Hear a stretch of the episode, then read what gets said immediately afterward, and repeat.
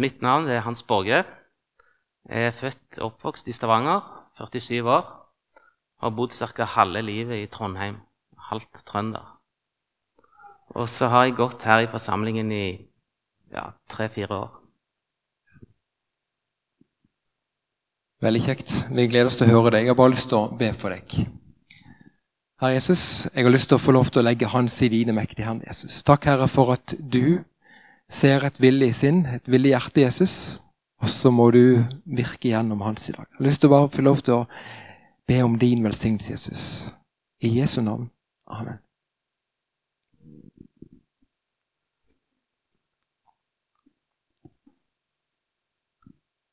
Kjære venner, kjære søsken. Nå har jeg gitt en kort presentasjon av meg sjøl. Og før jeg leser dagens tekst, skal jeg si litt mer. Jeg kommer som sagt her fra Stavanger, som dere sikkert hører på dialekten. Men det er litt viktig å si at jeg har bodd eh, en del år i Trondheim. da, For eh, det var egentlig der jeg ble en kristen, gjennom studentlaget. Så jeg gikk altså i seks år ca. i Trondheim Kristelige Studentlag. Og hadde egentlig noen veldig veldig fine år der. Og så har jeg gått ca. 17 år i Trondheim frikirke. Så ofte når jeg taler, så siterer jeg ofte mine tidligere pastorer. Thomas Bjerkholt, han er dessverre død nå, og Bjørn Gjellestad. For jeg har lært veldig mye av de. Den eneste formelle utdanningen jeg måtte ha i kristendom, det er et kurs i evangelisering og menighetsvekst eh, fra begynnelsen av 90-tallet. Det var Ivar Braut som var foreleser. Han er nå biskop her i Stavanger i dag. Og, men jeg, dessverre, på det kurset så strøyk jeg, da, så jeg kan ikke Jeg kan ikke skryte av å kunne så mye, da. Ja, jeg er utdanna doktoringeniør i matematikk. Jeg jobber til vanlig eh, som førsteamanuensis i matematikk ved Universitetet her i Stavanger. Og I tillegg så eier jeg og driver jeg et lite konsulentfirma som jobber med oljeleting. Ja, Da skal jeg lese dagens tekst. Det er fra Johannes 4, vers 4-26. Og Teksten den handler om en ganske kjent fortelling som handler om Jesus og kvinnen ved brønnen.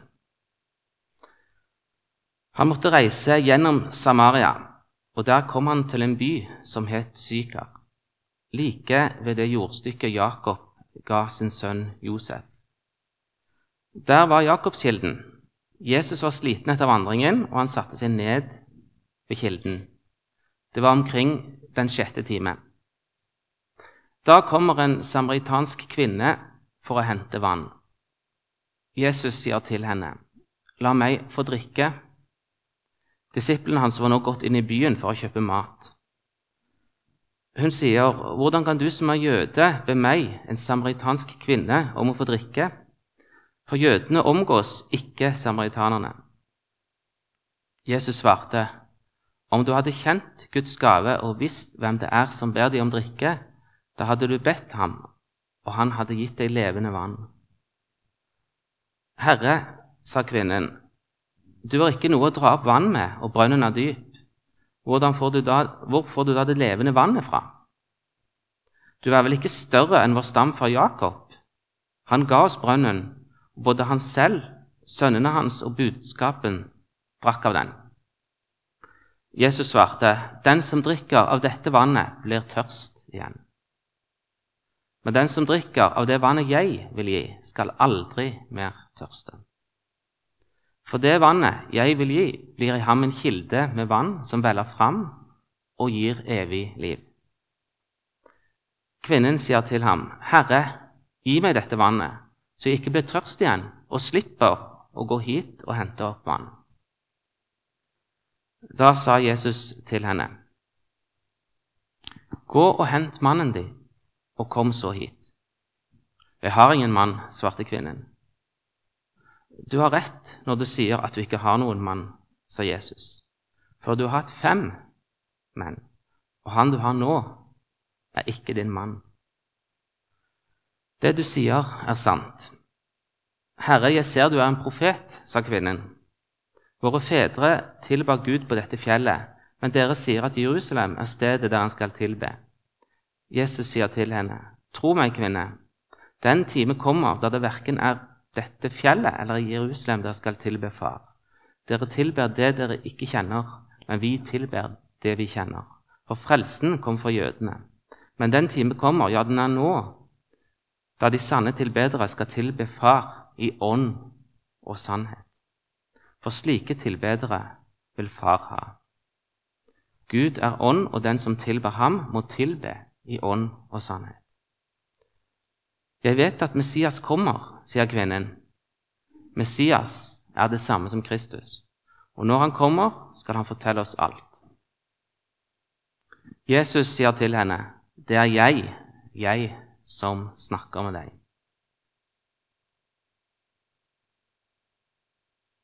La oss be. Herre, takk for at du har gitt oss ditt ord. Herre, takk at vi kan lese i ditt ord, be til deg, og du vil fylle oss med din ånd. Velsign oss, Herre. Amen. Dagens evangelietekst den er litt spesiell og veldig viktig. Det er alltid farlig å si at noen deler av Bibelen er mer viktig enn andre. Men det første jeg tenkte på når jeg leste dette, var en bibel jeg hadde liggende i bokhylla mi for en del år tilbake.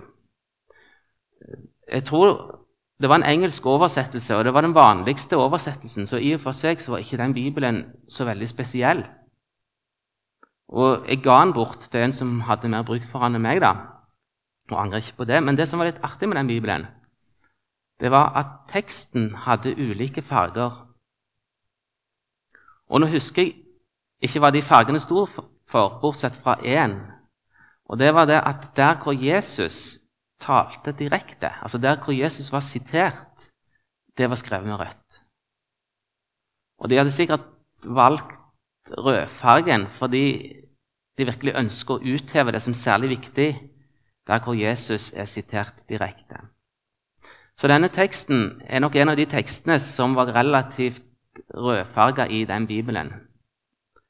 Og Det var en fin tankevekker for meg å, å bla litt i den bibelen. og Derfor hadde jeg hele tiden det i bakhodet når jeg leste denne teksten og forberedte dagens tale. Det er Jesus som taler til denne kvinnen direkte, og det er Jesus som taler til oss i dag direkte. Og Så vil jeg si en liten ting innledningsvis som står først i teksten. Det står 'Hvordan kan du som er jøde' Be meg, en samaritansk kvinne, om å få drikke. Og så tenkte jeg først dette er kanskje bare en liten detalj som jeg bør kommentere. Men etter å ha lest og bedt og tenkt, så er det ikke bare en detalj. Det er ganske viktig, det som her kommer frem. For det som er tydelig, det er at Jesus ønsker å nå alle jøder, samaritaner, et hvilket som helst folkeslag, menn, kvinner. var bare det at en mann henvendte seg til en kvinne på den tiden, var uvanlig. Og i hvert fall når han var fra et annet folkeslag. Og så kommer det fram senere i teksten denne kvinnen var ikke spesielt vel ansett. Så han taler både til de med høy status og de som ikke har status, omtrent menneskelig status i det hele tatt.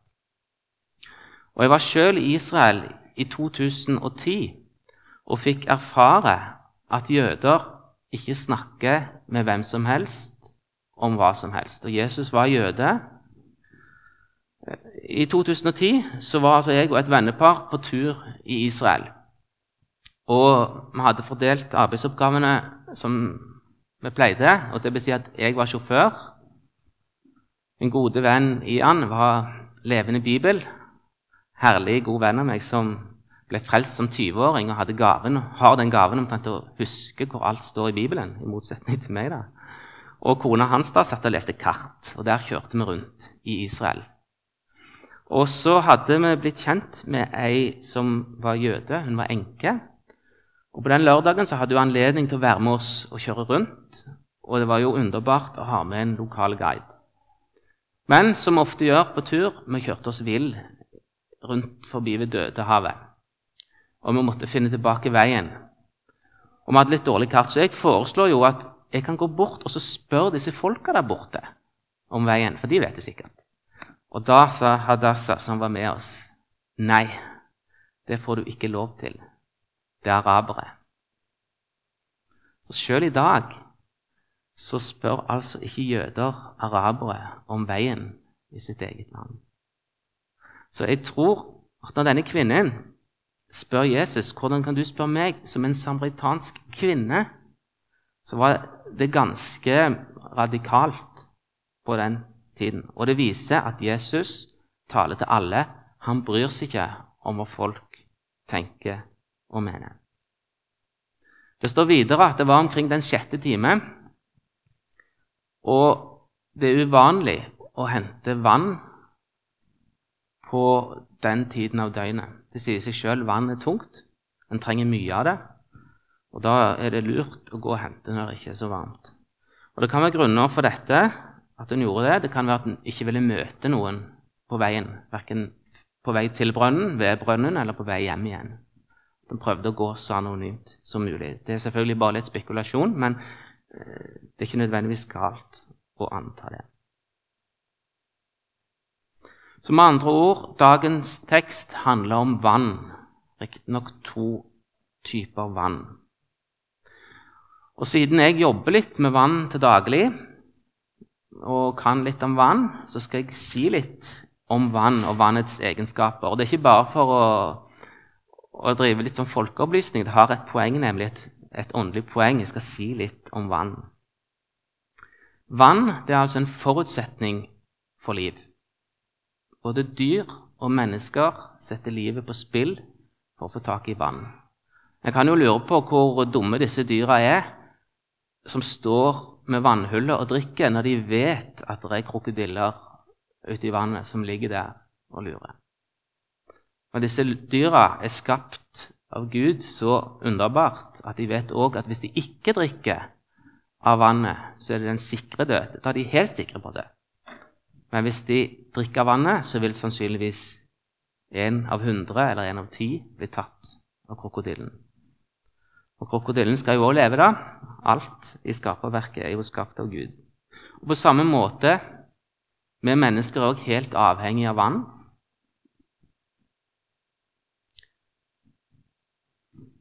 Ja. Vann er ganske spesielt. Gud har skapt vannet relativt spesielt. Det er det mest utbredte kjemiske forbindelsen på kloden. Og Nå må ikke noen arrestere meg etterpå, for jeg har ikke dobbeltsjekka disse informasjonene, men det skal visstnok være 1338 millioner kubikkilometer med vann. Det er ganske mye hvis en setter seg regner på det.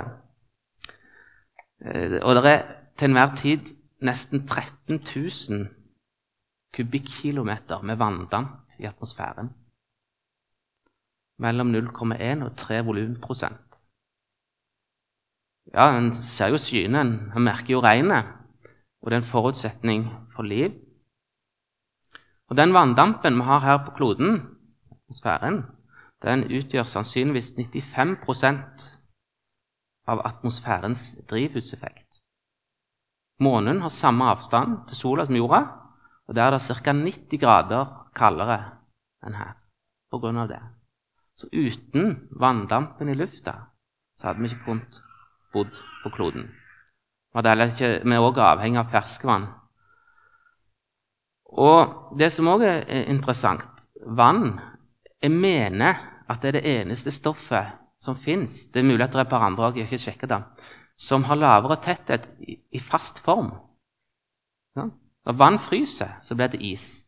Og isen flyter på vannet. Alle andre stoff som, seg, som fins både i flytende og fast form, der er det sånn at det faste stoffet synker til bunns. Men hvis is hadde vært tyngre enn vann, flytende vann, så ville sannsynligvis alle ferskvannskilder ha vært bunnfrosset. og vi kunne ikke ha levd her. Og Det fins til og med vann under bakken, og det har jo med teksten å gjøre. Det var en brønn. Hvorfor graver de en brønn? Hvorfor de kommer ned? kommer de på grunnvannet. Var lite vann på overflaten i Midtøsten. Her i, i nåværende Israel har de relativt stor vannmangel. Og Det fine er hvis du graver en brønn Vannet er relativt rent, for det filtreres. Gud har velsignet oss rikelig. Når grunnvannet strømmer gjennom, gjennom grunnen, så renses det. Det smaker godt, og det er sunt. Og Hvis en borer enda dypere brønner, flere tusen meter ned i bakken, og det jeg jobber med til daglig, da, der finner nå vann. Nesten bare vann. Litt olje og litt gass innimellom. Så vann er oppe i himmelen, og det er dypt under jorda. Og eh, det er på jorda. Og så til et par ting som er vesentlige. Det er nesten umulig å fremstille helt rent vann.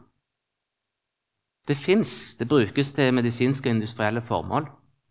Men hvis du har helt rent vann og bare lar det ligge i luft, så vil det veldig fort karbondioksid fra lufta løse i vannet, og det blir forurensa, og dermed er ikke rent lenger. Så vannet kan sammenlignes med tilgivelsen. Når vi ber om tilgivelse, så er den tilgivelsen vi får fra Gud, den er fullkommen. Det er ikke, det er ikke den synd vi kan begå uten at Jesu offer var større. Men la oss nå tenke oss at vi bekjenner synd og ber om tilgivelse. Så er vi tilgitt, men vi er ikke fri for synd. Bare det at vi eksisterer i bare et sekund eller et minutt eller to etter at vi har fått tilgivelse, så har synden allerede innhentet oss igjen. På samme måte som et helt rent vann ligger det i åpen luft et minutt eller to. Så er det forurensa. Dessverre. Jeg hørte en gang om en mann som hadde blitt kristen i godt voksen alder. Han hadde levd et forferdelig liv. Og Han påsto at han var syndfri og kunne ikke synde lenger. Og så tenkte jeg åh, om du bare hadde hatt rett. Men jeg er stygt redd for at du at du lurer deg sjøl, da. Men det er så underbart med vannet. Det er de kjemiske egenskapene. Det renser nesten alt. Uansett hva som er problem, du løser det med vann. Og det vet vi. Jeg antar de fleste har vaska seg her i morges. En bruker vann til å vaske seg med. Og Nå er ikke jeg noe stort geni når det gjelder helselære, men vi drikker jo vann. Og Jeg har en mistanke om at vannet har mange funksjoner i kroppen, og en av dem er å, å rense kroppen. I hvert fall tyder det på det når vannet kommer ut igjen. Det er ganske enkel kar, så jeg bare antar at det har en, en rensende effekt. Og dermed kan sammenlignes med tilgivelsen.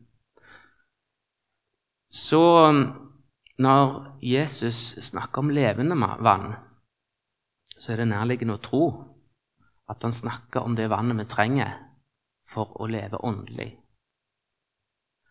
Og skal vi komme fram fra Gud, så er det bare én vei, nemlig gjennom Jesus, mannen som kvinnen møtte ved brønnen. Og vann brukes òg i dåpen. Og hvis en leser i Matteus 3, 14, så står det at alle kom fra Jerusalem, Judea og Jordan,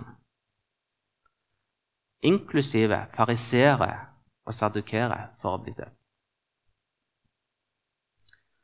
Og jeg mener å huske at det var Johannes som er sitert i Matteusevangeliet, døperen Johannes. Og Han ble oppgitt når alle kom for å bli døpt, for han sier, og jeg leser fra Matteus 3,14.: Jeg døper dere med vann til omvendelse. Men han som kommer etter meg, er sterkere enn jeg, og jeg er ikke verdig til å ta av ham sandalene. Han skal døpe dere med Den hellige ånd og ild. Pariserene og sadukerene de hadde ikke til hensikt med å omvende seg, Johannes snakker om Den hellige ånd i forlengelsen av dåpen. Og Her ser vi òg Altså det vannet en bruker i dåpen, sitt effekt. Det er levende vann. Mennesker skiller seg fra alle andre levende skapninger med at vi består av ånd, sjel og legeme. Og det, Jeg tror kanskje at vi som kristne må være mer tydelige på det. Jeg blir ganske oppgitt når jeg ser andre mennesker ikke skille mellom dyr og mennesker. Mennesket har en ånd. Ikke bare at, vi har en kropp, er alle enige om. Og at vi har en sjel, det er nok òg de fleste enige om. Men til forskjell fra dyrene så har vi altså en ånd. Og Derfor trenger vi vanlig vann til kroppen, og så trenger vi levende vann til ånden.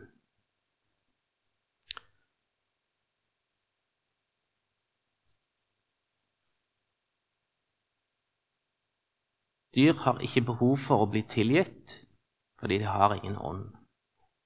De går bare på instinkter, og Gud har skapt dyrene til oss for at vi skal kunne ha nytte og glede av dem.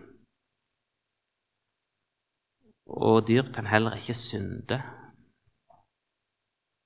Jeg vet at min tidligere pastor Bjerkholt han sammenligner alltid synden med støvet.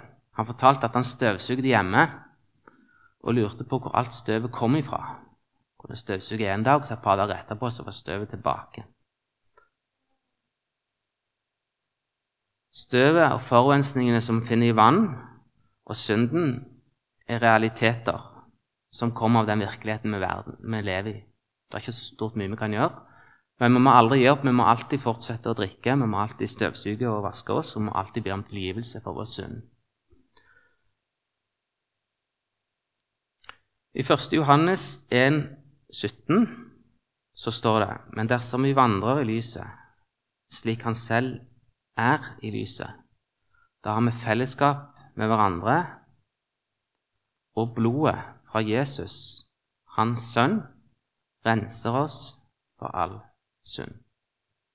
Nå begynner vi å få et klart bilde av hva det levende vannet består i. Det møtet med Jesus. Han vil gi oss tilgivelsen.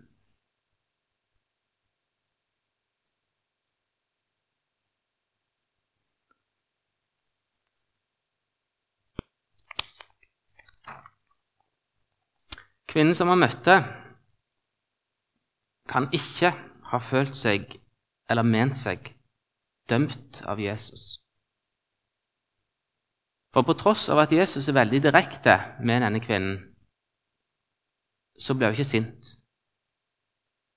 Nærmest ut av ingenting så Jesus, forteller Jesus henne at hun har hatt fem menn. Og det viser seg jo å være riktig, da, noe hun innrømmer. Hadde dette dette skjedde i dag med La oss bytte ut Jesus med en hvilken som helst mann, da, så skulle du ikke sett bort ifra at, at denne kvinnen kunne blitt sint. Kunne ment seg invadert av mannlige moralister. Og ingen liker å bli avslørt. Og jeg kom til å tenke på en, noe jeg opplevde for ganske mange år siden om en ung mann som ble avslørt. Og For oss så er det kanskje litt uh, rart å høre den historien, for den er egentlig snudd på hodet. Uh, Pga. tilfeldigheter så ble jeg sittende rundt et bord med tre-fire unge menn som alle hadde rusproblemer og var rett og slett fengselsfugler. De hadde fått en dårlig start på livet. Og alle hadde noen dommer med forskjellig type kriminalitet. Og så var det da, som måtte innrømme at forrige gang han var i retten, så hadde han vedkjent seg alle tiltalepunktene. Og det falt ikke i god jord. For hans gode venner som satt rundt han, de forlangte en forklaring. Fordi det kan jo hende at en innrømte alt for å få strafferabatt. Og det er ikke, det er ikke bra. Og kanskje han innrømte noe og satte andre i vanskeligheter av den grunn. Nei, nei, nei, vent litt sånn. La meg forklare. Han møtte i retten klokka ni om morgenen. De hadde satt av en hel dag, og den lista over tiltalepunkt var lang. Og som han sa, han hadde jo gjort alt det der og mer til. Det var for det meste vinningskriminalitet for å finansiere rusmisbruk. Og så var det slik da, at For hvert tiltalepunkt så måtte altså aktor eller politiet da, ha et bevis. Og Litt ned på lista så, så han at det var ført opp et vitne. Og Dette vitnet det var altså en uh, ung dame som gikk i klassen hans på barneskolen. Oi, dette var flaut. Han ville ikke treffe igjen en tidligere klassevenninne i denne sammenhengen. Så han bare eh, pirker advokaten sin på siden og sier du, jeg innrømmer alt sammen. For da visste han at hele rettssaken ble avlyst. Eller det gikk mye fortere. De trengte ikke kalle en vitne når han erkjenner noe.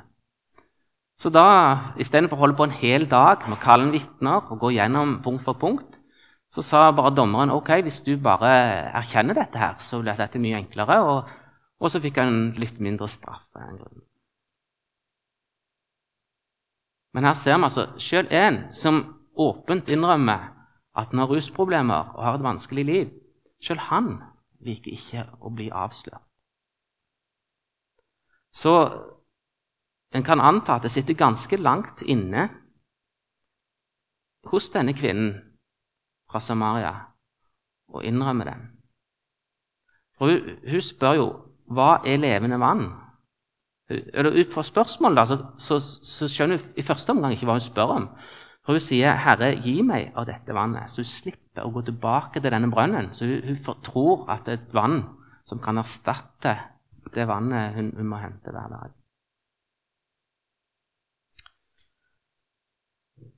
Men det kvinnen gjør, som hun kanskje ikke er klar over når hun stiller et spørsmål til Jesus, hun ber en bønn. Alle som spør Jesus om noe, har bedt en bønn. Det så vi på korset. Den ene røveren sa, 'Er ikke du Messias, frelst av deg selv og oss?' En bønn. Han rettet et spørsmål til Jesus, per definisjon en bønn. Den andre røveren han ber det jeg mener da er den korteste og enkleste og kanskje fineste bønnen, kanskje med unntak av Fader vår, som en finner i Bibelen. Den andre røveren sa, 'Jesus, husk på meg når du kommer i ditt rike.' Det var nok. Han ble frelst. Så enkelt og så oppriktig. Fordi han spurte med et oppriktig hjerte. Han spurte Jesus fordi han lurte på det. På samme måte så spør kvinnen med brønnen, 'Gi meg dette vannet.' Hun har ennå ikke skjønt hva det dreier seg om, men hun skjønner at det er noe med Jesus han bløffer ikke. Han har allerede vist at han er en profet. Og han sier han har mer å gi. Kvinnen ville ha det Jesus hadde å gi, selv om egentlig ikke hadde skjønt hva det var. Og Hvis en leser videre etter den teksten, så ser en jo at hele denne fortellingen det er en misjonsbefaling i praksis. For det kvinnen gjør Hun setter fra seg vannkrukka ved den sjette time. Det er veldig varmt på dagen. Og løper hjem til landsbyen uten å ha med vann, verken vann eller vannkrukke. Altså vil si flere arbeidstimer rett i vasken. Og så forteller hun de andre i landsbyen hva hun har opplevd. Og da utleverer han seg sjøl, utleverer sitt syndefulle liv, som kan godt hende mange visste om det. Noen visste kanskje ikke dette, men uansett, for henne så har det vært vanskelig. Og det fører til at resten, eller i hvert fall ganske mange i denne landsbyen, blir nysgjerrig og vil vite mer og følger med henne tilbake til brønnen for å møte Jesus. Og det står at mange tok imot og erkjente Jesus som frelser. Gå derfor ut. Hun gjorde det. Hun ofra mye. Hun ofra dagens arbeid for å nå de andre i landsbyen kan lese hva det står. Kvinnen lot vannkrukken stå i vers 28 og fortalte hva hun hadde sett og hørt. Og mange kom til tro. Og i vers 42 står det Og de sa til kvinnen, nå tror vi ikke lenger på grunn av det du sa. Vi har selv hørt ham, og vi vet at han virkelig er verdens frelser. Og Det var kanskje bare kvinnen som hadde opplevd å, få, å, å bli møtt av Jesus på en ikke-fordømmende måte. Og så det som er viktig for oss i dag. Jesus sitter ved brønnen og venter i dag. Så menneskelig sett så er det å arbeide og bruke egne krefter og talenter det er intuitivt og viktig. Så hvis vi kommer på jobben i morgen og skal gjøre en eller annen ting, så tenker vi alltid ok, jeg bruker mine evner og gaver, det jeg kan, og det jeg har for hånden. Men det er enda viktigere å begynne med, med Jesus, for han kan gi oss levende vann. Husk, vi består av ånd, legeme og sjel. Og Hvis du holder på å forgå av tørst på kontoret, det første du gjør, du drikker litt. For du vet at det vil arbeidsgiver og, og arbeidet ha godt av. Men det er like viktig å begynne arbeidsdagen med å takke Gud. Jeg har gjort det til en god vane. Og i perioder hvor jeg har glemt det eller oversett det, så har jeg merka at det er å sammenligne med å ikke drikke. Begynn med bønn, synsbekjennelse og takk til Gud. Matteus 6,33.: Søk først Guds rike. Bibelen sier 'be og arbeid'. Ikke glem den åndelige virkeligheten vi lever i. Riktig rekkefølge gir alltid best resultat. Vi må balansere nøkternhet og åndelighet. Jeg må ikke bare bli sånne som går rundt og, og bare ber, med mindre en har et kall til det. da. Jeg hørte at Terje har fått et nytt kall. Jeg, jeg, visste ikke det før du sa det nå. Jeg ble så glad når, når du sa det, at du hadde begynt som generalsekretær i Norsk. Da jeg bare kjente at det var riktig, altså. Noen av oss Foreløpig ikke meg, da.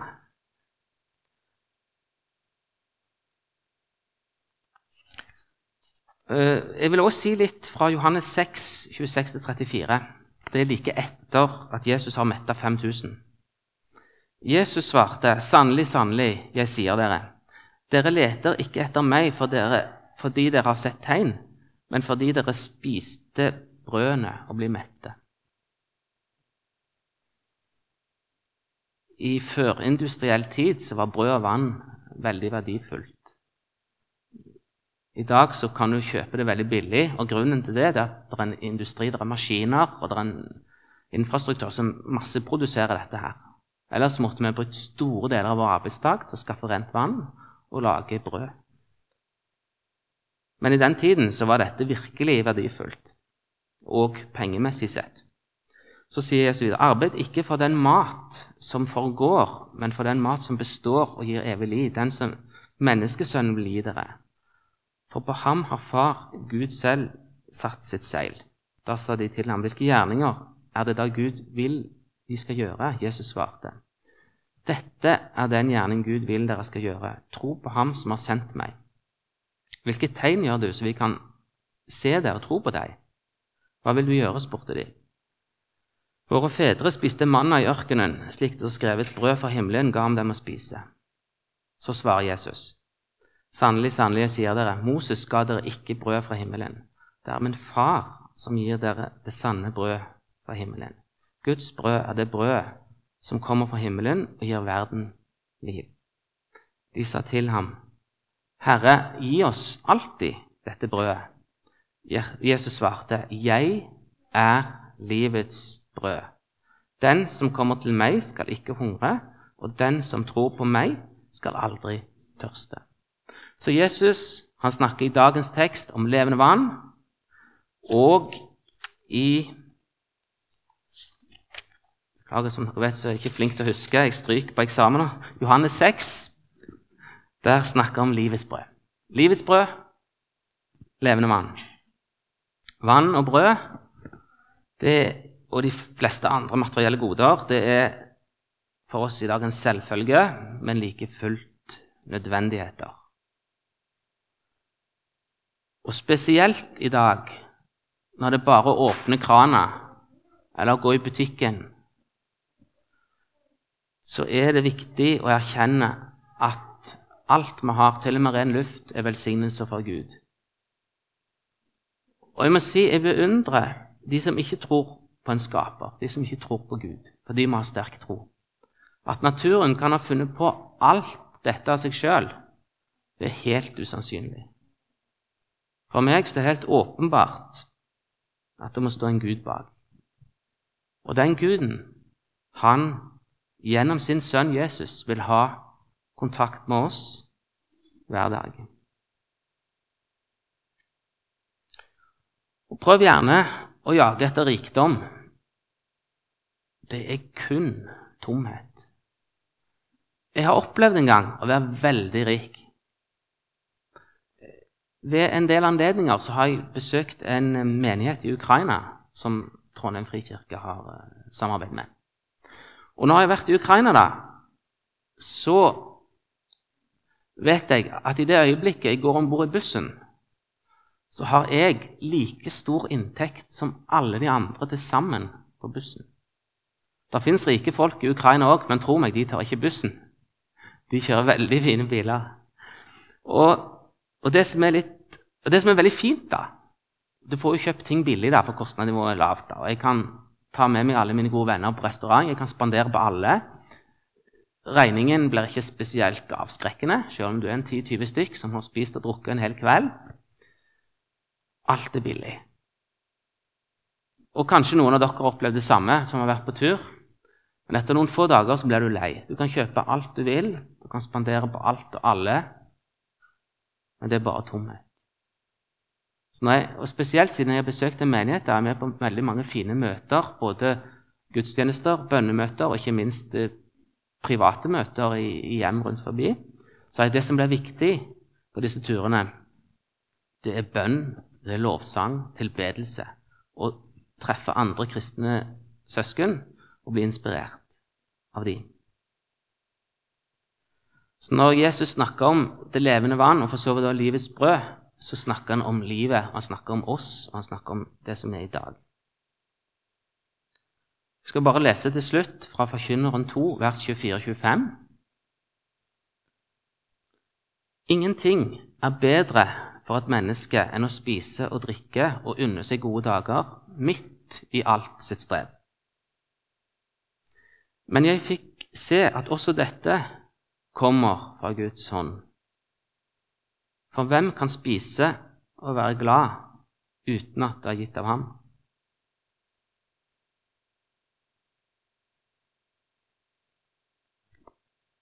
Så da skal jeg bare gjenta levende vann og livets brød. Jesus sitter ved brønnen nå, og han venter på oss. Amen.